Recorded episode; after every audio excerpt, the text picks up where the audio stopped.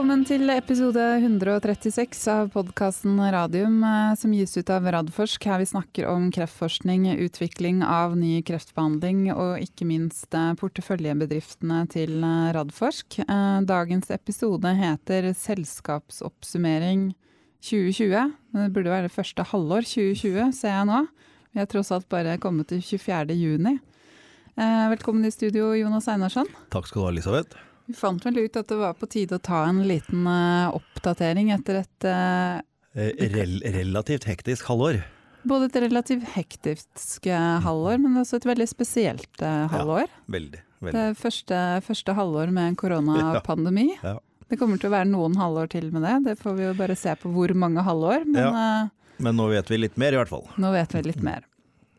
Men uh, før vi går inn på, på, halvårsoppsummeringen, så kan vi jo ta aktuelt uh, skjedd siden sist. Um, det har vært uh, mange nyheter fra Targovax. Ja. ja. Vi kan ta de på rekke og rad. Jeg, jeg begynner bakerst først, holdt jeg på å si. bakerst i dato.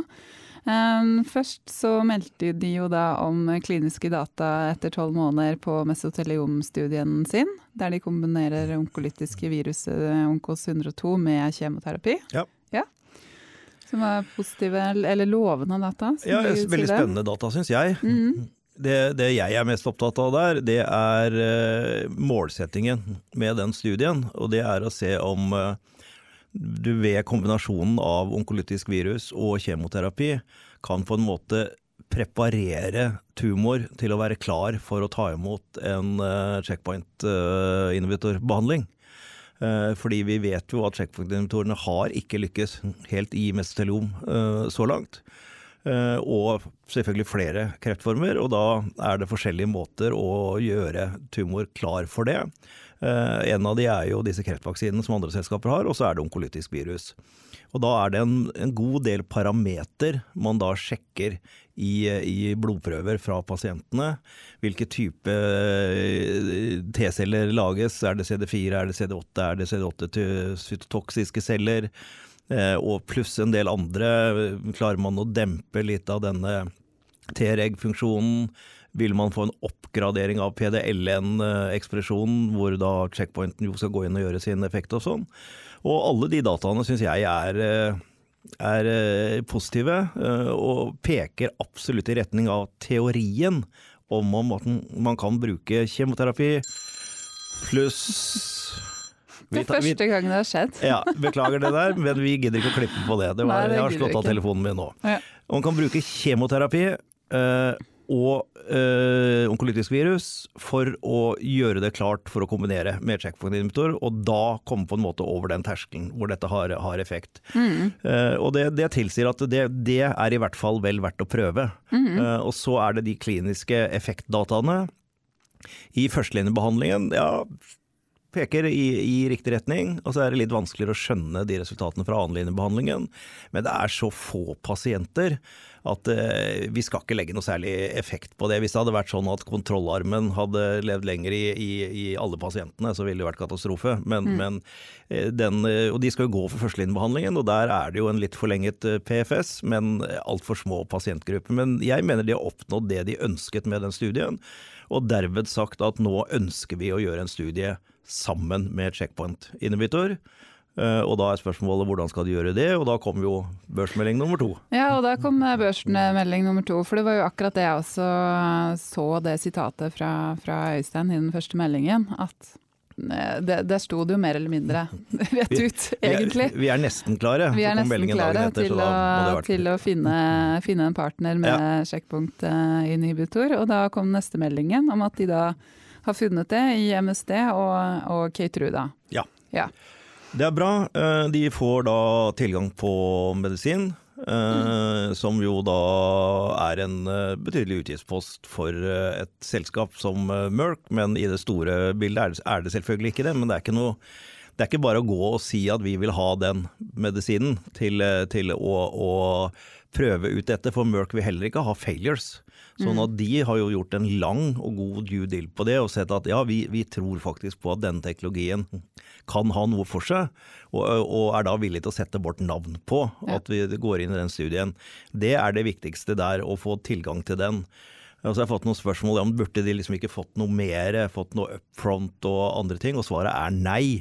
Vi gjør jo den type studier i, i mange av selskapene våre, og jeg har ennå til gode å se at det er noe mer enn det. Det hender at, eh, at uh, store bygg farmaselskaper sier at vi ønsker at, å ha noen bilder av den typen, ekstra, uh, ekstra MR, ekstra CT, sånne ting.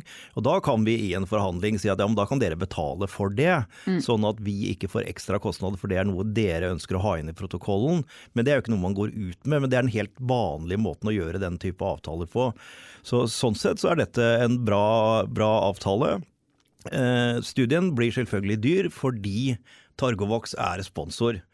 Uh, og Hvis du ser på de, de, de nye studiene vi har uh, lansert i Ultimovax, så er jo det langt rimeligere studier for selskapet. Men det er fordi de er initiert av klinisk gruppe eller, eller klinisk personer som også er Helland her. Og da blir det billigere. Men du har ikke den samme styringen med studien. Derfor har Ultimovax sin første studie, som går i USA først og fremst nå, og skal også gå i Europa, hvor vi må betale hele gildet for å ha full kontroll over alle dataene. Og det blir liksom den, den studien som skal danne grunnlaget for en eventuell eh, at det kan bli en pivotalstudie. Mm. Det er helt igjen alltid avhengig av dataene. Men de legger opp til ca. 100 pasienter i en randomisert studie. Mesoteliom har veldig dårlig prognose. Vi ser jo det på Progression Free Survival på fem, seks, sju, åtte måneder. Mm. Og det betyr at du får jo en god avlesning av en sånn studie. Sånn at den potensielt kan faktisk være en studie som kan bane veie. Kanskje for en conditional approval hvis uh, dataene er gode nok. Da må de selvfølgelig gå videre med en fase 3-studie, men allikevel få markedsført samtidig. Mm. Så det er en mulighet for Targovax, dette. Mm. Um, to ting. Du, du, sier Merck og jeg sier MSD. Er det fordi det er Merck i USA og Canada og MSD i resten av verden? Ja, ja. det er helt riktig. Det, så vi oppklarer det, ja. for, for, det er sikkert noen Merck Sharp and Dome andre yes. steder også er det Merck i USA. Ja, for det, det finnes et annet Merck også, men ja. de er jo da tyske. Eh, det var det ene. Eh, det andre, sånn, sånn som Targovax eh, er rigga nå, har de da midler til å kjøre den studien alene, eller må de sette en emisjon? De må før eller siden sette en emisjon. Eh, ja. Den kan komme raskt, eh, avhengig av hvordan markedet og vinduet og sånn ser ut. Men eh, de har også samtidig meldt at de forventer at den første pasienten skal inn om ca. tolv måneder. Og såpass lang tid tar det, rett og slett. Fordi nå skal den endelige protokollen utformes, og det skal være masse forhandlinger mellom mellom uh, Targovax og, og leverandøren av Checkpoint. Ikke om noe annet enn hvordan den skal gjennomføres, og sånn at alle er fornøyde og sånn. Det tar tid. Mm. Og dette skal opp igjennom svære systemer i de store selskapene, og da tar det litt tid. Og så må det rigges, så må man finne sites, og så må man finne PI og alt dette. 100 pasienter og mesoteliom er en ganske sjelden kreftform, så ja. da det, må du ha ganske mange sites uh, rundt omkring også? Ja, men samtidig så Eller har du sånne Det er ikke så få som du tror, skjønner du. Nei, okay. er, hvis jeg husker det tallet riktig, så fikk jeg det referert nå, at det er over 300 pasienter i Norge i året. Ah, ja, okay. men det er ikke så uh, og de aller fleste vil uh, være interessert i å gå inn i en sånn studie. Mm. jeg husker ikke hvor mange sites vi har på den meseliomstudien i Ultenvåg, som jeg tror det er fem-seks, med litt på tynn is her nå, men det er ikke så veldig mange. Nei. Så inklusjonen der burde være relativt grei. Ja. Så, nei, så det, det, betyr at de, dette koster penger. Eh, bare selve studien er jo tommelfingerregelen en million per pasient. Og så må man ha driftskostnader og andre ting. Men eh, når de setter den, er veldig avhengig av hvordan markedet er, og hva investorene sier. Mm. Eh, de meldte jo også i dag, eh, senest i dag, også 24.6, at de har presentert preklinisk forskning på den virtuelle AACR-konferansen. Eh, og det var da forskning på neste generasjons onkolytiske virus. Og det de ser er vel at i musemodeller så ser de da effekt på kreftceller. Det var også snakk om noen synergistiske effekter mellom de to virusene som de har sett litt på. Ja, eller med, med, med, de to transgenene ja, som, de, to som, de, setter inn sånn i, i ja. denne backbonen.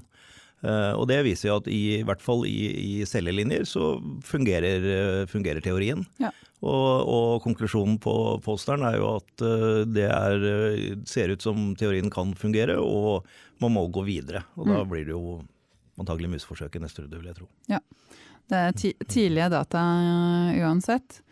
Uh, og det siste fra Targovax er at de skal presentere på European Biotech Investor Day, som også i år kjøres virtuelt. Ja.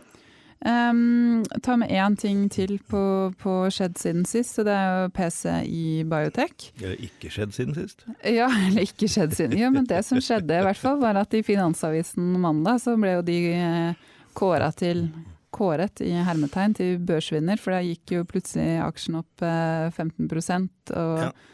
Det ble stoppet eh, i handelen på børsen, de skulle sikkert sjekke litt. Grann.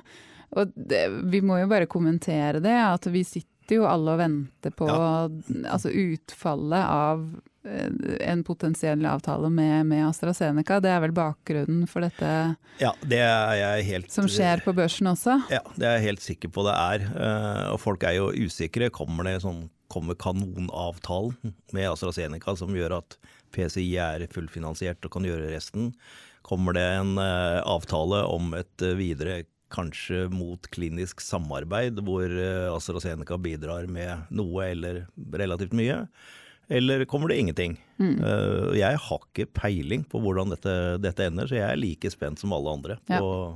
hvor vi havner. Men de har vært tydelige. De skal gi markedet en melding innen 30.6, mm. så det er ikke så mange dager igjen. Nei, det er ikke så mange dager igjen. Og vi har eh, satt av at vi kan ha en podkast neste uke også, dvs. Si neste onsdag, som er 1. juli. Ja. For å få med oss den, hvis det skjer, det skjer noe. Vi må bare understreke hvis. hvis. Vi vet ingenting. Hei, han, så dette må ikke tolkes i det verken den ene eller den andre retning. Det skal ikke tolkes. Nei, det, De har riktignok kontorer i etasjen under meg, men det er omtrent som å sitte oppå Fort Knox. Også der er det stengt og lukket. Der ja. lekkes det ingenting. Nei, det, og det skal det ikke heller.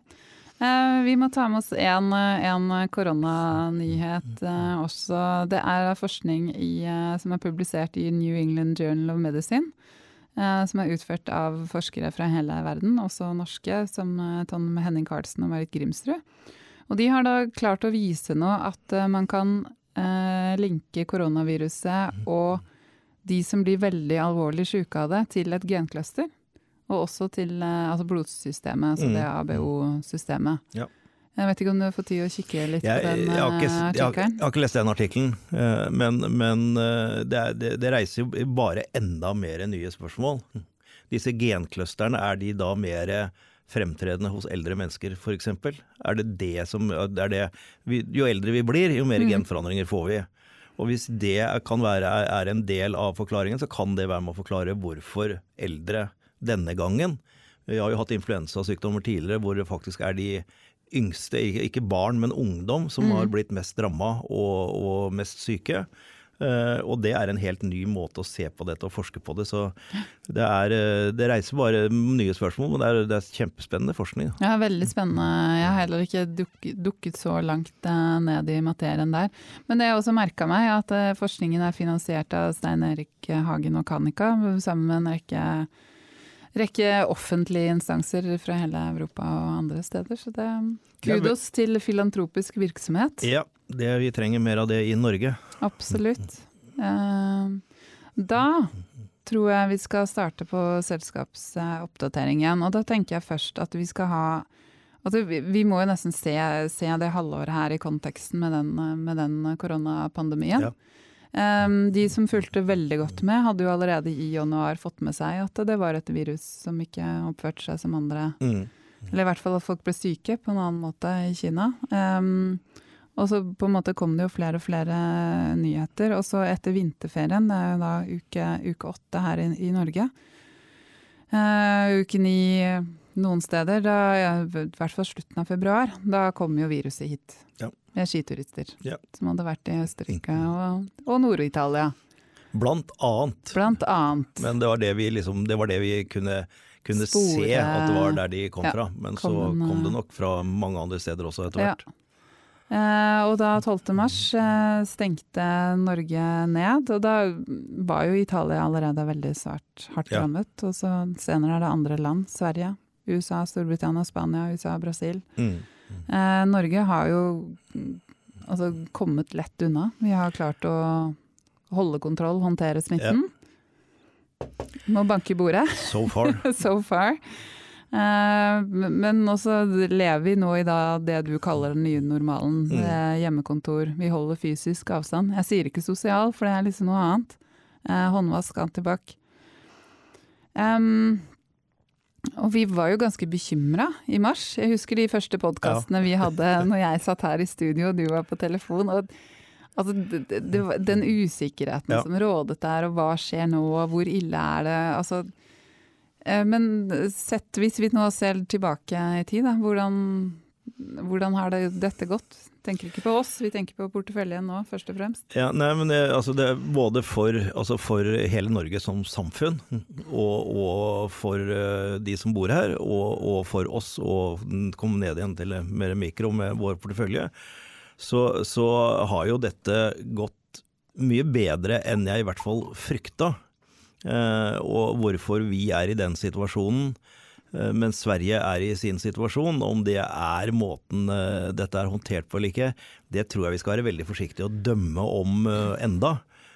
Og vi vet jo heller ikke hva langtidsvirkningene blir hos, i de land som hos oss, hvor vi har klart å forhindre det veldig mye, men samtidig veldig få er smitta. Mm.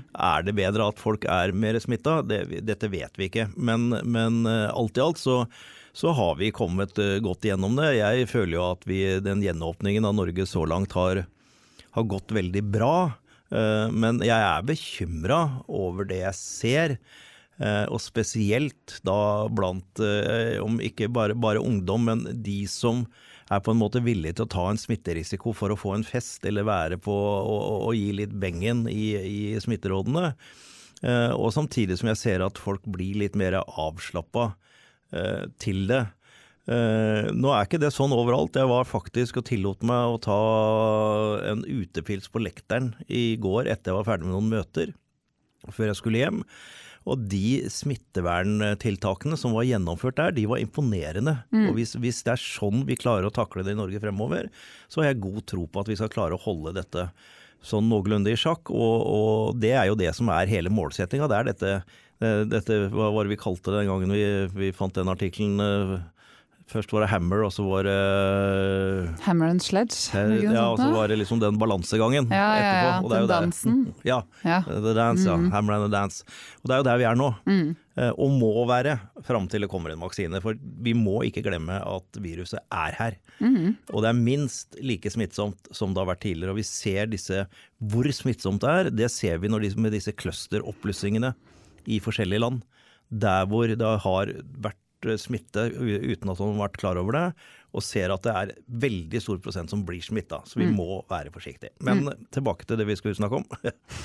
med, med, ja, men jeg, jeg syns det er absolutt på sin plass, og, og, for jeg, jeg, er helt enig med deg. Jeg syns stort sett folk er veldig flinke, men, men, men man, blir, man får en sånn hva skal man kalle det for noe, en fatigue. Ja. Jeg merker det selv også. Ja. At, at, og det er sånn kombinert med varmen, ikke sant? litt ja. sånn feriefølelse, alt det der. Så, så, blir du litt sånn uoppmerksom. Det er, så det er, ja, er på sin plass. Blir noen, noen, noen, glass med deilig sommervin nå, så er det enda, enda, enda, litt lettere å slippe litt opp. Så. Ha antibac-en ved siden av, bare pass på ikke blande vin og antibac. Nei, ikke drikk, ikke drikk antibac-en. Trump, Trump gjør det, men vi gjør ikke det. Uh, nei, så, nei, men vi satt nå her i, i mars, og, og, i forhold til det profesjonelle forhold til porteføljen, så hadde jeg to, to, ting jeg var veldig usikker på. Det ene var uh, at vi skulle få full stopp i kliniske utviklingen i selskapene våre, hvilket ville vært katastrofalt. Det har gått langt, langt bedre enn jeg både hadde frykta og forventa. Eh, selv i, i land som Belgia og USA så har vi jo sett at vi har hatt gode inklusjoner. Og det er nok litt med at det vi ser av det smittebildet og de dette går utover, det er egentlig ikke verken legene eller pasientene på spesialiserte kreftklinikker. Dessverre er det sånn det er. Det er blant de som blir mest ramma av dette, er på en måte ikke innen den sfæren. Så, så, sånn er det. Men i hvert fall så har jo alle kliniske studier er i gang igjen. Og, og selvfølgelig kommer det til å bli noen forsinkelser, men det er ikke noe katastrofalt i det hele tatt. Det andre var, som jeg var eh, engstelig for, det var hvordan reagerer markedet på dette her. Og vi så jo det kjempestupet på mm. både her i Oslo og hele verdens børser. Og vi med, eller var redd for at det skulle kunne vedvare liksom et halvt år, ett år, halvannet år. Eh, så tok det seg egentlig veldig kjapt opp igjen, og så skjedde det noe spesielt med, med vår sektor. Og jeg har liksom grunna i hva kommer det av? Fordi folk har liksom vært litt sånn forsiktige med å investere i dette, for det er så kjempehøy teknologisk risiko, som det jo er. Men det man ikke har tenkt på da, det er at dersom man overvinner den teknologiske risikoen, så er markedsrisikoen veldig lav. Mm. Har man først et godt kreftlegemidler, ikke alle får et godt marked, men de aller fleste gjør det, mm. og får gode salg. Mens hvis du driver med fisk eller oljesektoren og andre ting, så er jo den teknologiske risikoen veldig liten. Men plutselig så ble markedsrisikoen veldig stor der. Mm. Så det tenker jeg at kanskje har javna ut litt, sånn at folk har sett ja, nei, men kanskje vi skal sette noe av midlene i noe som har høy teknologisk risiko nå, men kan gi en mye større avkastning i fremtiden dersom mm. vi kommer fram til markedet. Det er min, min, min teori, men jeg tror en del har tenkt sånn. Og det har vi jo sett.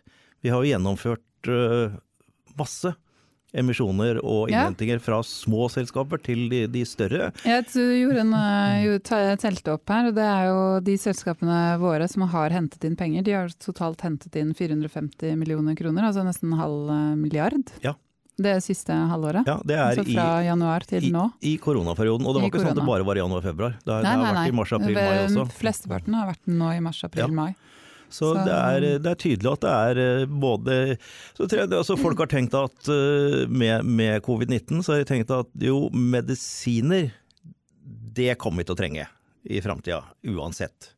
Eh, og det kan være vel verdt å, å investere i. Så får vi se hvordan det går, men, men alt i alt så så vår, vår portefølje eh, sank jo kraftig i verdi til å begynne med, men per i dag så er, eh, hvis vi regner ut fra siste emisjonskurser og eh, markedspris på de børsnoterte, så ligger vi på høyere verdi nå enn vi gjorde da koronaen slo til. Mm. Vi telte opp der for de børsnoterte pluss Vaxibody, som er notert på Åssen sier du det? NOTC? OTC-lista. Ja, det er en OTC, men det kalles bare for OTC-lista. Ja, okay, bra. Må få, jeg må få inn lingoen der. Jeg sliter litt med lingoen på den der. Jeg spør hver gang. Eh, men i hvert fall, eh, verdien eh, samla er på 16,3 milliarder. Og det er jo Vaxibody som er da registrert på OTC-listen verdt halvparten. Ja. Altså, jeg sjekka i går, da var de på akkurat åtte, i dag var de på 7,9. Så ja. ja. Men, uh, vi, eh, jeg, men, jeg, har et spørsmål om det. Det kan vi egentlig ta nå istedenfor å vente til vi skal snakke mer om Vaxbody. Altså, hvorfor, um, hvorfor er de så høyt uh, priset? Jeg pleier å svare at det er fordi det er det eneste selskapet som er riktig prisa. Ja. Og de andre skulle vært prisa omtrent på det samme. Men det er det ikke. Uh, vet du hva? Det må du nesten spørre investorene om. Mm. For det er også stor omsetning i uh, Vaxibody-aksjen. Så det er liksom ikke bare uh, sånn internt at noen har bestemt seg for at det skal på en måte være kursen, og driver den opp med små kjøp og salg. Så det er tydelig at det er relativt store investorer, og det er etterspørsel etter den aksjen. Eh, som mener å se noe der i forhold til teknologiplattformen mm. til Vaxibody. Eh, om det er spekulasjoner i at de nå satser på infeksjonsmedisin, og med tanke på at de ansatte han eh, ja. Gunstein Norheim. Gunstein Norheim fra CP kan man jo spekulere i, men økningen har ikke vært noe særlig etter den nyheten kom. Den har, altså, den var drevet av andre nyheter fra, fra Voxybody. Så, så, det er tydeligvis at det er noen som ser uh, noe veldig spennende i den teknologien. Mm. Uh, tror jeg. Jeg har ikke noen annen god forklaring på det. Nei, det, det, man skal ikke ha en forklaring på alt, uh, alt heller. Er bare For å sluttføre det med, med, at det tross alt har gått bra med, med biotek, så tror, kan det jo også være at Det var jo sånn som Benedicte Bakke, som har starta det nye fondet DNB Bioteknologi, også sa. at at eh, helse og biotek er, er, en megatrend. Og når sånt som dette her skjer, altså en, en sånn type at man plutselig ser i hele verden at man kan bli altså, Du kan egentlig sette verden sjakkmatt med et virus. Ja. Og så er, er, alle på en måte på en gang på desperat jakt etter en, etter en vaksine. Da, etter en, ja. Ikke en kur, men i hvert fall noe som gjør at man kan håndtere det. Så tenker jeg også at det er jo en påminnelse for um, ja, investorer og alle at det, det er en del sykdommer vi, vi som mennesker vi får. Ja. uansett. Eh, kreft er definitivt eh, en av de. Det er jo sånn, man dør jo enten av kreft eller, eller mm. hjerte, altså hjerteproblemer. Så jeg tenker jo også at det er noe som spiller inn der, og at man kanskje i hvert fall i Norge, da, hvor man ikke på en måte har hatt en, en, eh, altså en investorgruppe som nødvendigvis har sett til, til, biotek og helse. Det har liksom vært olje, gass, mm. Shipping, eiendom, ikke minst. ikke minst. Men ser nå kanskje over tid at ok, men nå har vi hørt om disse selskapene, de er der fremdeles, og de kommer jo nærmere og nærmere. Ja eh, markedet også, ikke sant, ja. ettersom tiden eh, går. Og det også må jo være en sånn hva man kaller for noe, denne lingoen igjen, da, de-risk. Ja, jo, men de nærmer seg, de, og, de, og de, mange av de nærmer seg en skikkelig de-risk eller, eller, failure. Ja, ikke sant. Sånn Binært, eller, alt eller eh, ingenting. Men, men, det er jo ganske mange av selskapene nå som i løpet av eh, et par år venter at skal komme med resultater som enten er helt innertier eller, eller ikke er det. Mm. Og da blir det litt sånn sånn istedenfor Det har nok en del vært litt mer sånn tilbakeholden med å si at uh, ok, vi skal gå inn og investere nå, men eh, det er en fem, seks, syv år til det kommer data som kan si at ja, dette er, er eh, noe som fungerer. Uh, og nå er den tiden kortere i mange selskap, så ja, det kan også være at tidshorisonten spiller inn. Mm. Men det, det, blir spekulasjoner. Så vi får heller uh, se på det som har skjedd dette halvåret. Det, det vet vi har skjedd, i hvert fall. Ja. vi kan begynne med de børsnoterte. Vi kan uh, begynne med Photocure, som er da det, det selskapet i porteføljen som har produkt på markedet. Ja. ja. Uh, jeg sjekka børsverdien i stad, og det ligger jo nå på 1,9 milliarder norske kroner. Um, og det kanskje det største som skjedde dette halvåret for de, var vel at de kjøpte tilbake rettighetene til uh, Hexfix Sysview fra Ibsen. Ja. ja. Så nå har de da globale rettighetene til ja. sitt eget produkt. Ja. ja. Og de som har hørt på podkasten vet jo også grunnen til det. Det har jo vært fordi de ikke har vært så veldig fornøyd med salget. Ja. Mm. Og det var ingen oppside i, i Ibsen-avtalen, for Ibsen jo, gjorde ikke mer.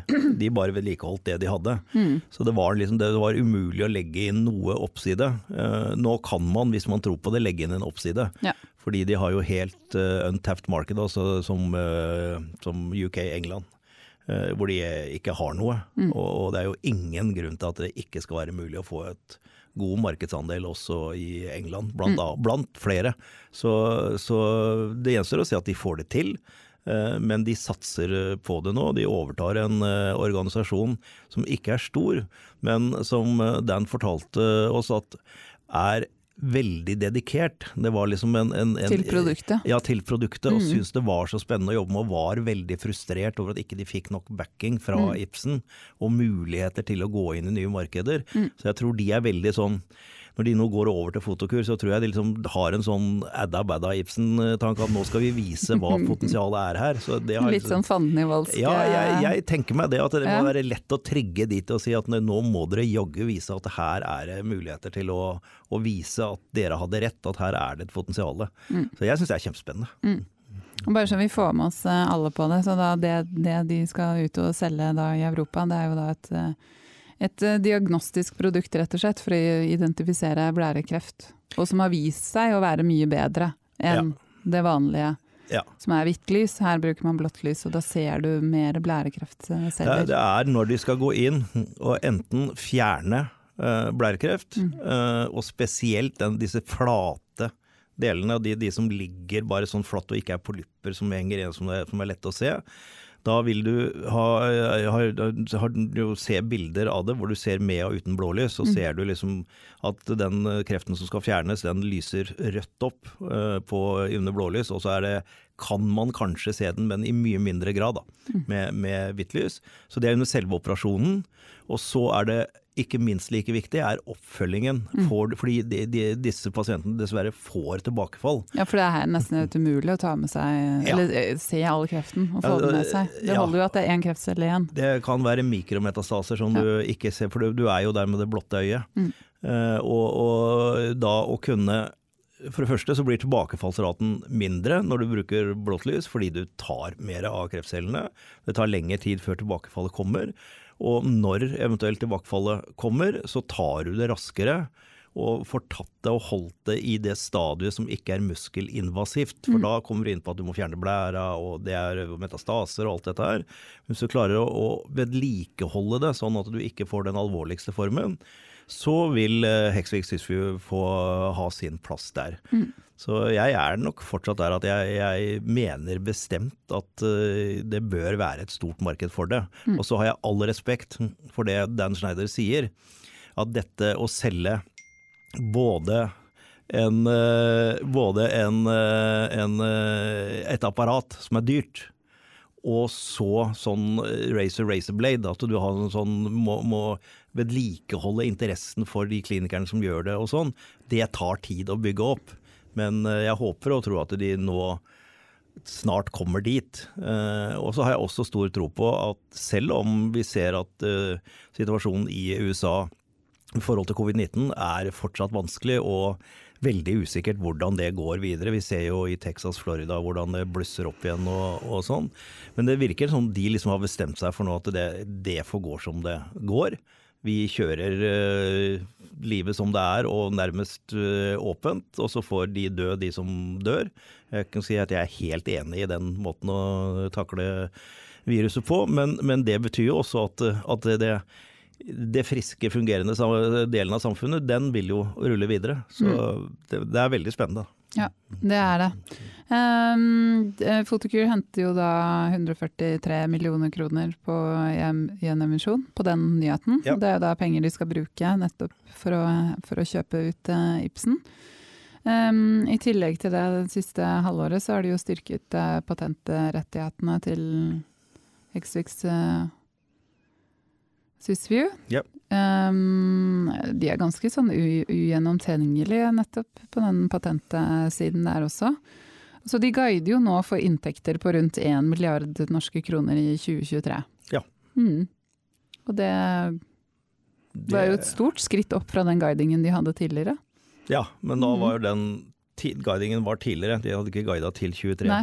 før. Sånn det, men, men allikevel, kurven eh, skal være ganske kraftig voksne for at de skal nå det. Men eh, jeg tror de har en fair sjanse til å klare det. Ja, I, I hvert fall jo...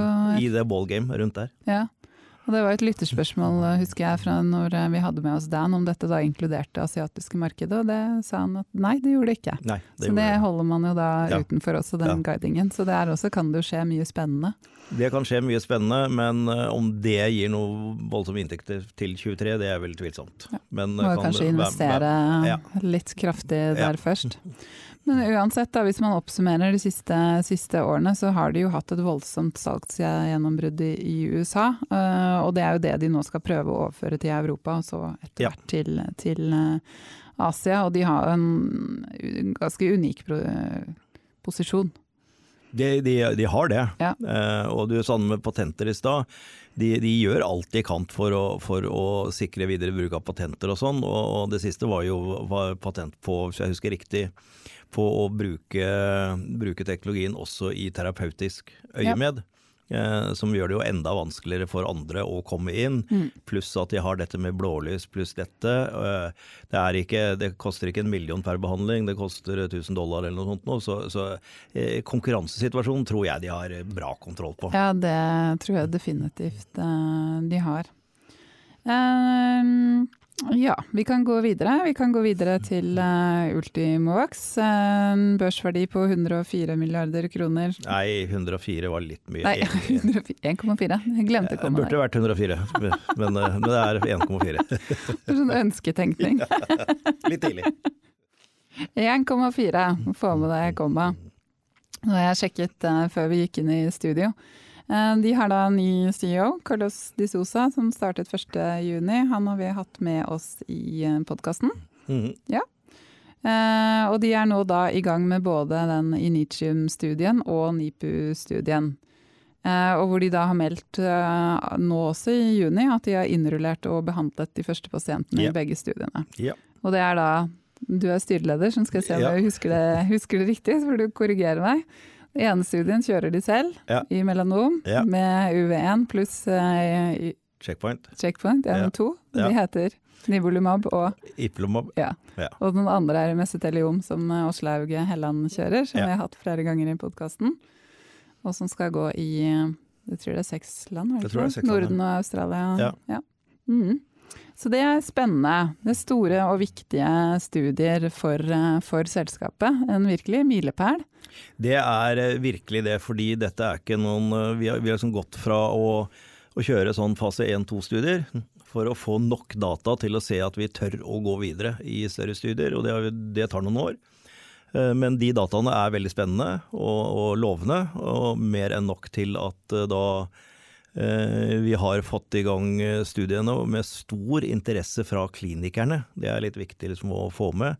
Vi er også i ferd med å avslutte den første melanomstudien i USA som jo eh, de, de 20 første pasientene ble innrullert for ganske lenge siden. Og vi forventer resultater, hvis jeg husker riktig, i september.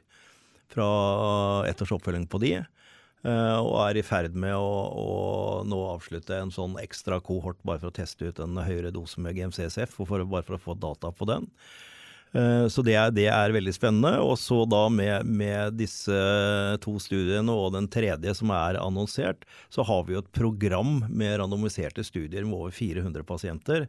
Og da er du liksom ikke den minste gutten i klassen lenger. Da, da har du et selskap som er i ferd med å skaffe seg kliniske data som potensielt kan, kan gi muligheter for å, for å, feile. Så det er kjempespennende å være med og, og følge utmaks om dagen. Mm, og så er det jo enda en spennende ting. Altså, den er jo så spennende at den er så hemmelig at uh, vi tror det florerer spekulasjoner. For det ble, selskapet annonserte jo da en, en ny fase to-studie med UV1. Ja. Med et uh, ikke navngitt legemiddelfirma og et ikke navngitt internasjonal akademisk gruppe. Ja, og det, det, er ikke eh, altså, det, det, er ikke så spennende. For når, når, når, når, poenget er at når vi er ferdig med alle 90-gritty formaliteter og sånt nå, så opplyser vi jo selvfølgelig om det.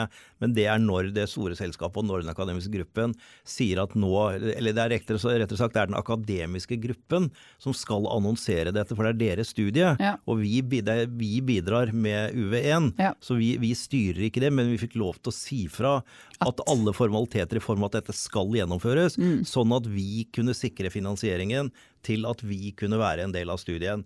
Og når det kommer, så er det oi, overraskelse, det var et Big Pharma. Eller overraskelse, oi, det var en internasjonal akademisk gruppe. Ja, men det, det vet alle. Ja. Så, så, men så får man, eh, får man navnet det, på det? Ja. Det er liksom ikke noe vits i å hausse opp det noe mer enn at den, den nyheten er der. Ja. Nei, men det er jo som du sier, man måtte jo gå ut med en melding der ja. for å hente inn de pengene man trengte. Det var 160 millioner kroner, og det klarte man. Ja, og ja. Det, er, eh, det, var en, eh, egentlig en uh, veldig hyggelig reise og, og stor interesse. Den, den, var jo så stor at når vi gikk ut og sa at nå er den offentlig, så hadde vi så stor interesse fra eksisterende aksjonærer og andre, som da hadde blitt wallcrossa, som det heter. At vi måtte gå ut og si at det kun var eksisterende aksjonærer som fikk lov til å, å, å fylle opp resten av den. Uh, og denne, denne, studien koster ikke 160 millioner. Nei. sånn at vi, vi, sa jo også at dette er jo også use of proceeds. At vi da kan uh, For den tar jo litt lengre tid enn det vi hadde beregna fra før, og da har vi også midler til å drifte oss fram litt, litt, uh, litt lenger. Så det gir en god, god og solid økonomi i Ultvox nå. og og der er eh, vår filosofi er, og det har vi gjort helt fra, fra, børsnotering, og sagt at vi henter inn penger til det vi skal gjøre, og sier hva vi skal gjøre med de pengene. Hvis vi skal komme opp med noe mer nytt og spennende, eller utvikle UV2-plattformen i en større grad, så vil vi gå ut til investorene og markedet og si at nå skal vi gjøre noe nytt, og er dere med på det og finansierer det. Så det er mm. liksom den måten vi tenker på der. Mm. Veldig åpen og fair og redelig måte å kommunisere med, med markedet på. Um, men eh, det, sånn, eh, det blir jo spennende å følge disse studiene og nyheter og sånt som kommer der, eh, der etter hvert. Veldig. Ja. ja. Mm. Eh, PCI Biotech, vi snakket jo så vidt eh, om det i stad. De har en børsverdi på 3,1 milliarder kroner.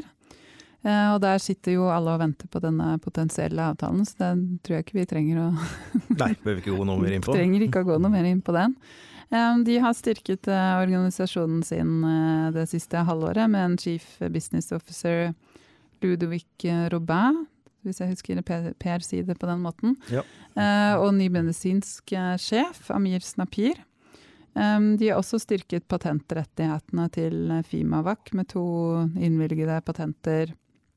Da er det Fimavac i kombinasjon med cytokiner, og så er det en Fimavac i kombinasjon med en adjuvant som ikke jeg kan noe norsk navn på. Toll-like receptor agonist. Nei, det jeg vet heller ikke om noe norsk. Nei, eh, mm, spesialisert. Ja. Men det er jo en styrking av bruken av ja, teknologien. Absolutt, ja.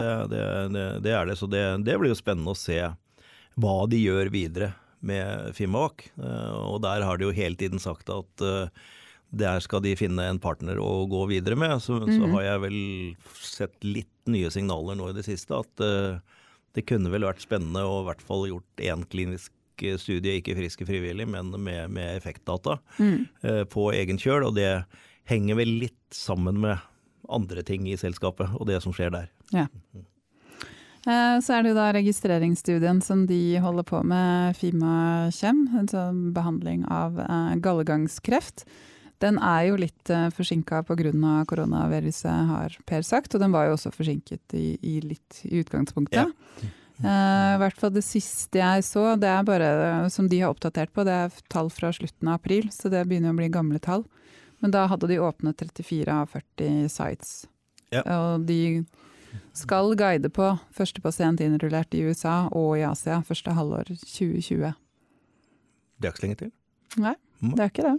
Vi, det er liksom lett når du tenker PCI Biotech i disse dager og glemme med, med, alt med Fimonac og AstraZeneca og sånn, og glemme at dette er spydspissen ja. til PCI Biotech. Dette er det de egentlig gjør. det, dette er det de egentlig gjør. Dette, dette er det de har satsa pengene sine på. Ja. At det er å vise at uh, Fimakjem fungerer i denne, i denne indikasjonen, og at det er mulig på denne studien å få data som man kanskje kan feile, feile på. Mm. Så, så, det er jo kjempeviktig og spennende å se at de får i gang den, den innrulleringen og får denne studien sånn i hvert fall noenlunde i, i rute. Mm. Absolutt. Men det, eh, som jeg skjønte fra Per også når han var her sist, det er jo, det er jo en såpass sjelden sykdom dette her, så det er jo nesten én pasient per site. Ja. Ja. Så det er jo en krevende studie, og det er lett å bli forsinket. Det er veldig krevende, og det er ikke sånn du kan si at nå tok det så mange måneder før du fikk inn den første pasienten, og da tar det så lang tid før du får inn neste osv. Jeg husker vi hadde dette på en av studiene med, med Ultmax i USA, hvor vi ble liksom litt bekymra, for det tok såpass lang tid før vi fikk inn den første. Og så i løpet av de neste ti dagene så hadde vi tre. Ja, for da har du litt sånn ketsjup-effekt. Ja, så, så, så, ja så det, men, men det, er, det, er, komplisert, og, og, og, det er vanskelig når det er en såpass sjelden sykdom. Det er helt riktig. Mm. Eh, da kan vi gå videre til eh, Nordic Nanovektor, som eh, har en børsverdi på 1,3 milliarder kroner. Um, de har hatt et, uh, hvis vi skal oppsummere det med, to, med et ord, turbulent halvår. Ja, det har de. Det, og det mm, Altså de meldte jo da 1.4 at de nå kun skal fokusere på paradigme, altså den registreringsstudien de har av betalutin, i behandling av non-Hodgins eh, lymfom. Uh, og det kom jo da etter at selskapet i februar og mars um, mistet både først altså CEO-en sin, Eduardo Bravo, og så medisinske sjefen sin, Lisa Røykjær, mm. som er da blitt erstattet av interim CEO Lars Nyba og interim medisinsjef Dominic Smethurst. Det er jo klart at sånne ting eh, påvirker jo et selskap. Ja, ja. uten tvil. Mm. Eh, og så har de jo da i tillegg til at de på en måte har satt eh, alt annet på vent enn en registreringsstudien, så, så, går jo ikke den het på skinner heller. Den har blitt påvirket av, av eh, korona. Uh, og det de har meldt der, er jo at de skal sette seg ned med, med FDA i, om å få utvidet inklusjonskriteriene i studien. Ja, Et såkalt type D-møte. Type D-møte heter det i FDA. Det er type A, B, C og D-møter. Og type, type D-møter er når du da ønsker å, å gjøre, ikke bare emende, men gjøre endringer, spesielt i inklusjonskriterier. Uh, og det viser jo at de nok dessverre ikke traff helt med det i, første omgang. Det er veldig fort gjort, uh, og det har jeg vært med på, at man lager en protokoll som skal være tilpasset den perfekte pasient når det gjelder inklusjon og eksklusjon, for å få de best mulige dataene ut. Så er det bare at det er så få av de perfekte pasientene at du må utvide litt. Hvis jeg ikke husker feil, så, måtte, så gjorde jo PCI en amendment med at de tillot eh, noen levermetastaser som da de ikke hadde til å begynne med. Nettopp fordi at levermetastasene er som regel kan de håndtere. Og det er ikke det de dør av da, og da kan de allikevel få denne behandlingen og få forlenget levetid. Så det er en del sånne ting som man mm. lærer etter hvert. Uh, så forhåpentligvis så får de nå positive tilbakemeldinger fra dette, dette eller disse, disse møtene. Eh, og da kan få fart på inklusjonen igjen. Men eh, det er klart at paradigmet har tatt veldig lang tid. Ja. Og, og, det, det ja, altså med, en, med en eh, aksjekurs på ca. 20 kroner i dag og den store emisjonen på 114 kroner i, i, i sin tid. Og jeg uttalte for tre eller fire år siden og ble spurt hvem tror du liksom er det blir det neste Algeta, hvem kommer først i mål? Da sa jeg, da sa jeg Nordic Nanovektor. Mm. Uh, nå, om de kommer først i mål, så er det i hvert fall tatt igjen av mange av de andre. Så det har vært en utfordring. Betalutin er et veldig bra produkt. Jeg tror fortsatt at det har absolutt sin plass i, i markedet. Det er minst like godt som annen behandling. Uh, og alt dette med, med, veldig lite tox, med at det er én gang på sykehuset ferdig behandla. Det har så mange fordeler at jeg kan ikke skjønne annet enn at det finner sin plass der. Og så tror jo jeg da at det vil finne sin plass i en eller annen form for kombinasjonbehandling med rituximab, med CD20 og CD37 og alt dette vi har diskutert tidligere. Så jeg har fortsatt stor tro på at dette er det, Teknologien er utvikla av Roy Larsen mm. og, og, Øyvind Bruland. Øyvind Bruland. Eh, og de gutta vet hva de driver med. Ja. Så jeg tror fortsatt det, men er nok litt skuffa over hvor lang tid det har tatt. Ja. Jeg kikka på siste, siste, presentasjonen de hadde hatt, som var på ABG Sundal eh, Eh, og da, så I slutten av mai så har de da innrullert 51 av de 130 pasientene. Yeah. Til, eh, og de hadde jo håpet å innrullere alle 130 i år. Yeah. Ja. Men de kommer jo da til å melde rett og slett en oppdatert plan for, yeah. for hele paradigmet, når de da har snakket med FDA, og også sett på en måte litt mer av konsekvensene av, av koronapandemien. Det er vel også noe vi forventer ganske kjapt? Jeg ja, jeg også riktig. har liksom juni oppi hodet mitt. Juni, turte jeg nesten ikke juni, å Juli mener jeg, men ja. her får lytterne selv ta og De får gå inn og se. Men jeg, jeg, mener det at det er Jeg mener det i den uh, eh, 1. april, i den web... Nei, den telefonmøtet, audiocasten heter det de hadde da. Jeg tror jeg mener jeg de snakka om det, men nå har ikke jeg hatt tid til å gå inn og lytte på igjen. Men uansett, de har jo noen midler eh, ut i 2021, ikke sant. Ikke hele 2021, men ut, ut i, som de sier. Og så får man ta det derfra. Ja. Um, men de har jo hatt uh, mange positive nyheter også. Blant annet så har de jo fått en positiv tilbakemelding på en orphan drug designation for betalutin fra EMA. Mm. Uh, for behandling av marginalsone-lymfom som er en av disse undergruppene man har der. Og I tillegg så har de også fått innvilget et patent som styrker IPR-en av uh, betalutin. Ja, det er kjempeviktig at man opprettholder den virksomheten, mm. IPR-virksomheten, ved, ved, ved, siden av. Og Orphan Drug Designation er, er kjempefint å, å, ha, og får de til dette nå, enten får noen avtaler eller uh, henter inn penger eller får gode data, så, så har de jo lagt grunnlaget for å utvikle denne i flere indikasjoner, så det er bra. Ja. Absolutt. Eh, hvis vi da tar eh, Targovax, det er vel det siste av eh, våre børsnoterte selskaper som vi skal snakke om. De har en børsverdi på 596 eh, millioner kroner.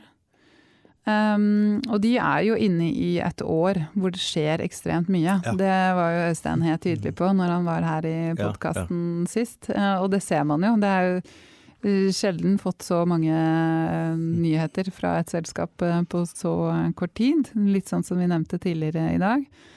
Um, og de har jo da tidligere også meldt om et forskningssamarbeid med, med, Leidos. For å se om de kan inkludere sjekkpunkthemmer-funksjonalitet til onkosvirusene. Ja, og det var jo det den posteren ja. er, er, om det. Ja. Da trenger man jo ikke å, å kombinere, hvis man får det til. Nei. Nei. Og så har de vært på ASKO og presentert, med kombinasjon med sjekkpunkthemmer på da kreft i bukhulen. Eh, og så har de ansatt en ny forskningssjef, Viktor Levitsky, eh, ja. som hadde en veldig bred og imponerende bakgrunn fra både akademia og biotek og farma. Eh, de har også fått en ny styreleder. Og så har de um, annonsert et samarbeid med Valo, de var vel finske, var det ikke det? Jo. På disse RAS-mutasjonene. Ja. ja. For å se om da de kan forene egenskapene til da TG-plattformen, den RAS-plattformen som er utvikla her på Radiumhospitalet, Ja. med Onkos-plattformen som er utvikla i Finland. Ja. Og så har de meldt at de er ferdig rekruttert i fase 1-studien av Onkos i kombinasjon med Keytruda-behandling av føflekkreft. Ja, så der venter vi også data. På data. Ja. Mm. Så hadde de jo en emisjon i januar allerede. Da henta de inn 101 millioner kroner.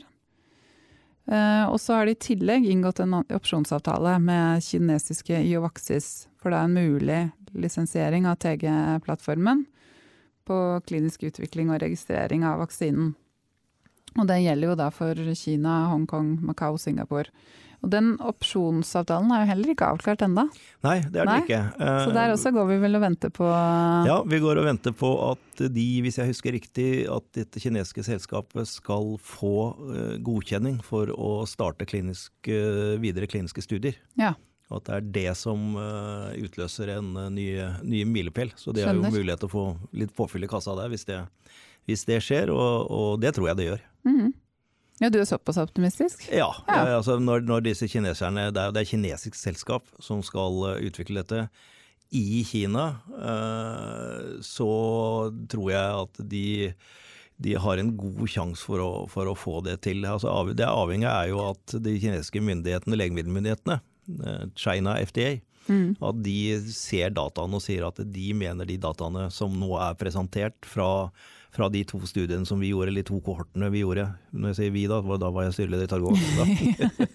Det store vi. Ja, at, de, at de er gode nok til å gå videre, men, men de dataene kjenner jeg veldig godt, og det, det, det har jeg faktisk stor tro på, at de, at de kinesiske myndighetene kommer til å si ja til det.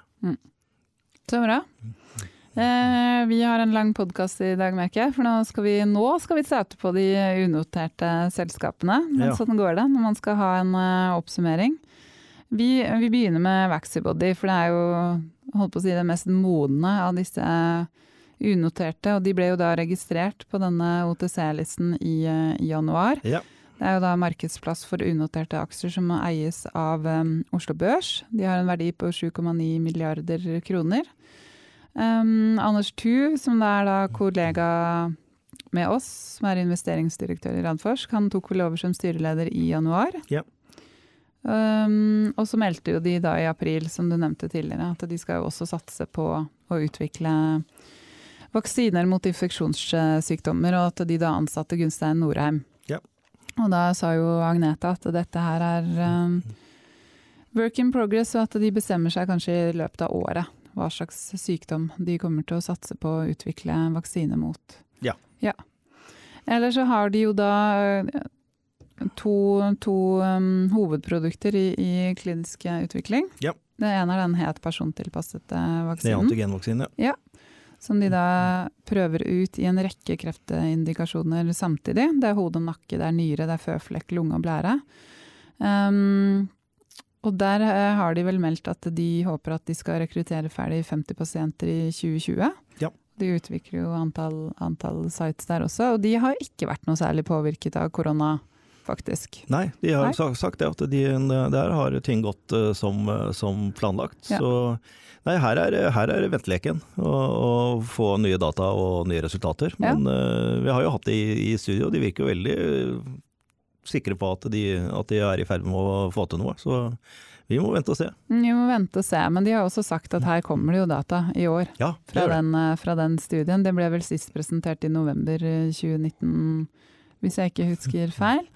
Og så er det jo en annen ting som er litt spennende med den studien, er jo at de skal ha en arm av den studien hvor de skal kombinere med um, NKTR-214, som er da eh, Nektarskinn, Nektarsin, Ja. Nectar Therapeutics, som Ja. er um, California, er det ikke det? eh, tror jeg. Um, så, som er, hva er, det, hva er det Agneta har kalt? Det er en form for uh, den, den øker effekten av vaksinen. Det er I hvert fall det de har sett preklinisk. Det er jo det de skal teste ut. Ja, det skal testes ut. Ja. Men den skal da få en, eh, få en egen arm, så den skal også første pasient inkluderes i i 2020. Ja.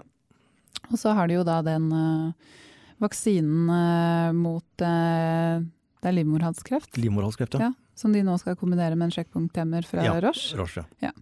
Og da skal de starte studiet. Og der er de jo egentlig klare, ja. men de sitter egentlig bare og venter på at de kan kjøre studien så raskt som mulig. De sitter og venter litt på, på å se koronapandemien. Um, den skal gå i seks uh, europeiske land, og inkludert Norge. Så er det første gang de skal gjøre studiet i Norge. Det er kjempe.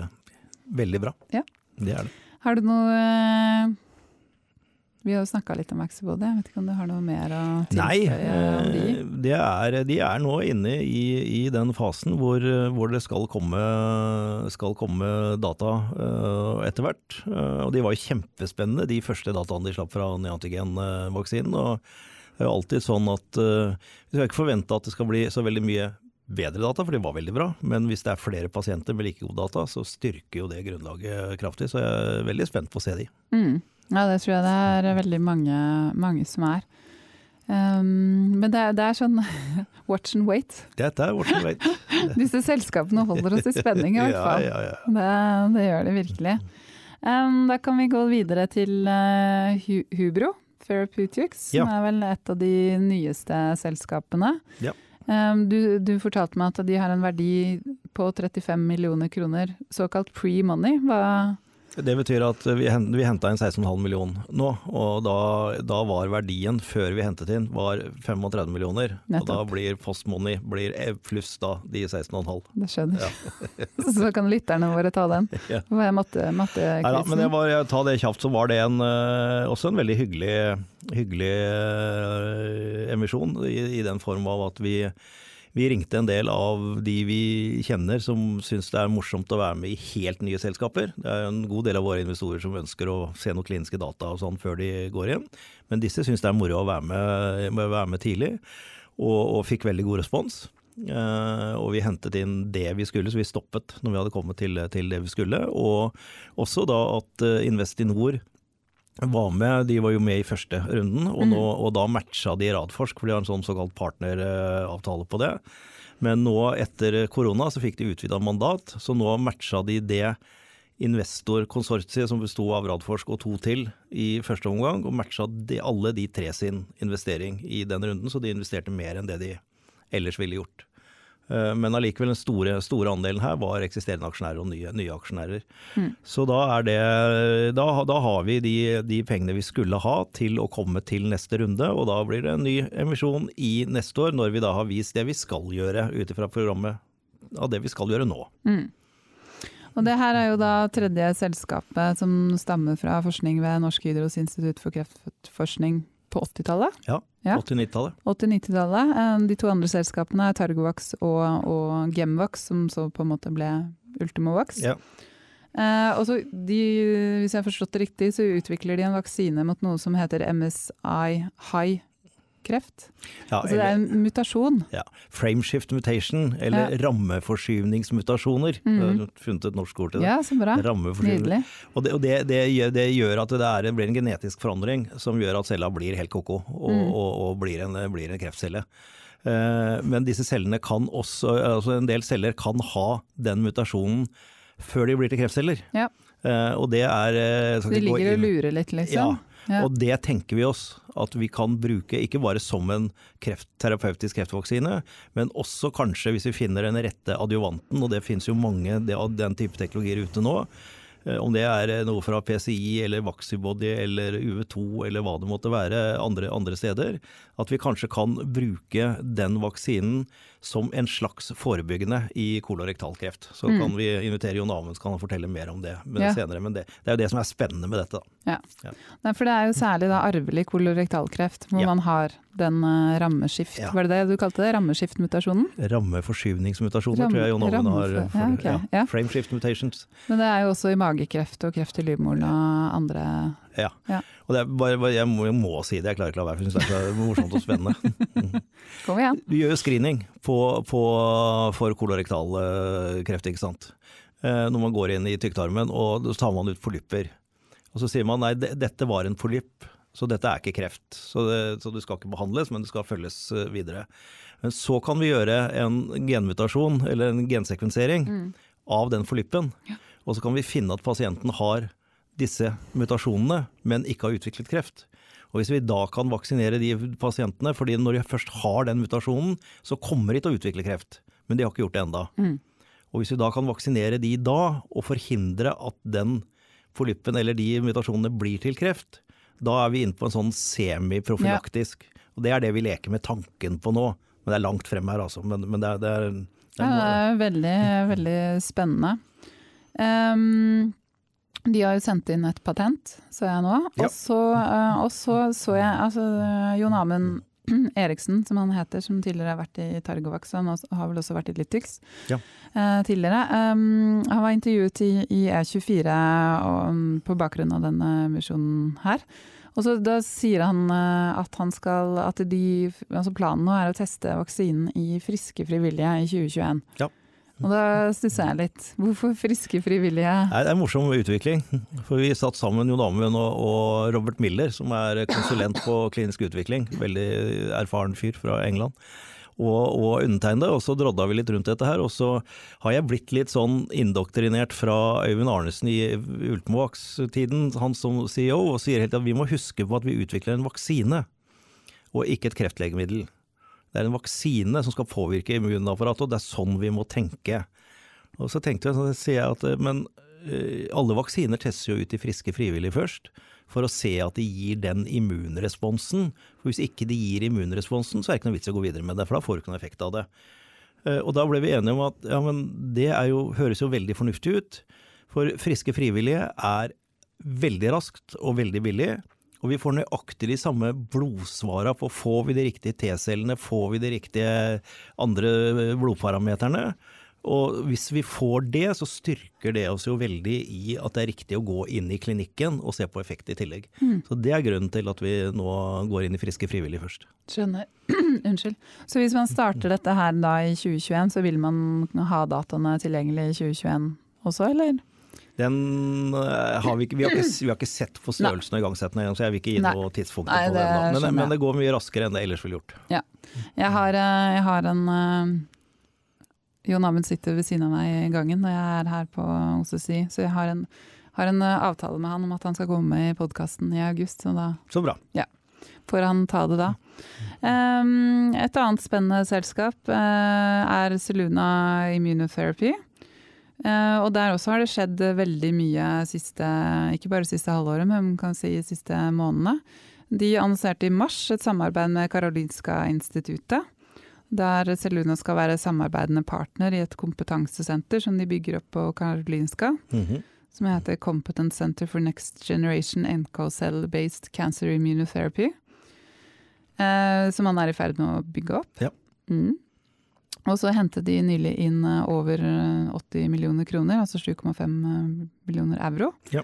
til å utvikle det de nå kaller TCR-NK, altså TCR-guided NK-celler. Og som ja. er en plattformteknologi. Ja. Um, og jeg har snakket, jeg snakket faktisk med, med, Namir Hassan, som er CEO, på mandag. Så jeg har fått litt sånn uh, fått litt eh, informasjon. Eh, de har da ikke valgt en produktkandidat eller indikasjon enda, men det skal de gjøre i løpet av året, tidlig 2021. Ja. Planlegger de å gå i klinikk i 2021-2022. Um, men de vil antageligvis da, når de går i klinikk, være det første selskapet i verden som går i klinikk med dette. Ja. Nå må du forklare. Eh, både CAR-10 og TCR tidligere har jo brukt eh, T-celler. Eh, og brukt styremekanismene, enten CAR eller, eller TCR, på å få T-celler fram til det riktige stedet. Det er svært komplisert. Det er én-til-én-behandling, og vi ser jo de, de, som nå er kommet, det koster millioner å behandle pasientene.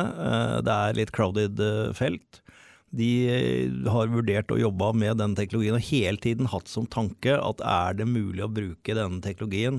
Og det spesielle her er jo TCR-ene, som er mm. helt spesielle, som er ute ifra biobanken vår. Så vi vet at de leder cellene til de riktige kreftcellene, og ikke til andre. Ja, for det, det gjør det målstyrt, ikke sant? TCR-en gjør det målstyrt ja, det på er, kreften. Det er fortsatt målstyringen. Ja. Men istedenfor å bruke T-celler, så bruker vi NK-celler, natural mm. killer cell naturlige drepeceller, som er litt sånn stemoderlig behandla i dette med immunterapi. For er, vi snakker om CD4, vi snakker om CD8, vi snakker cytotoksiske, vi snakker T-celler hele tiden. Men NK-cellene har en kjempeviktig effekt. De er jo natural killers. Ja. Uh, og da er tanken, men de behøver ikke å være avhengig av hvilken pasient de er i. Mm -mm. Så hvis de lykkes med dette, så lager de altså en celleterapi som kan bli off the shelf. Mm -hmm. Det vil si at det er det, det, den har du på hylla. Og du behøver ikke å spesialtilpasse den til pasienten. Nei, for da spesialtilpasser du den til kreften? Til kreften. Ut fra TCR-en du, du, putter på den? Ja. ja. Så det, dette er eh, banebrytende og, og kjempespennende. Så mm. vi får se åssen det går, men det er, det er veldig spennende. Ja, det, altså det, er, det, det, er alltid spennende å være den første, men det har sine komplikasjoner det også. Ja. Å være pioner. Ja. Så, men det er veldig, veldig, veldig, veldig spennende. Dette er jo da forskning som kommer ut fra gruppen til eh, Else-Marit Indeberg og Sebastian Walschi her. Ja. På, på, Oslo universitetssykehus. Men de, grunnen til at vi er sånn ja, vi ser de gangene hele tiden. For de sitter jo og forsker og jobber i inkubatoren. Ja, nå mm. utvider jo laboratoriene der oppe hele tida, så nå ja.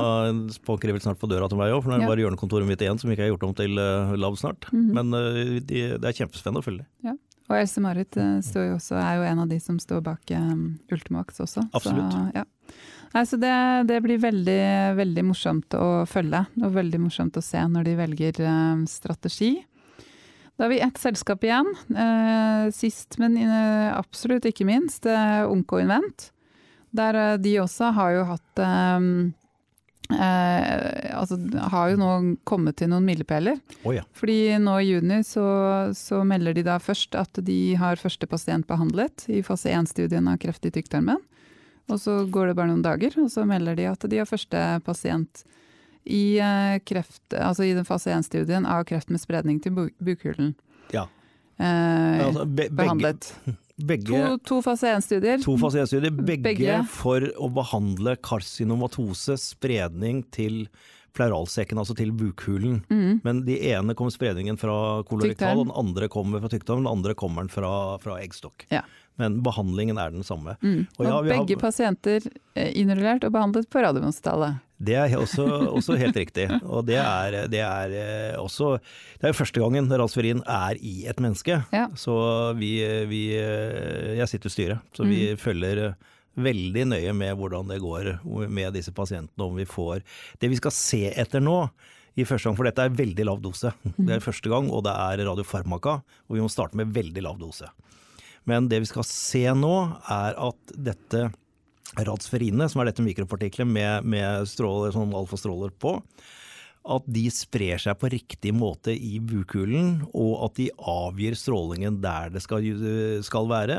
Og det måler vi med såkalt biodistribusjon med gammakamera, for da kan vi se hvor, da ser du rett og slett hvor det er radioaktivitet, ja, hvor, for det lyser opp. Ja, og at ja. ikke det skaper komplikasjoner og at det blir tox og sånn. Så det er mm første gang man går i pasient med noe man har holdt med i mange år, det er like spennende hver gang. Mm.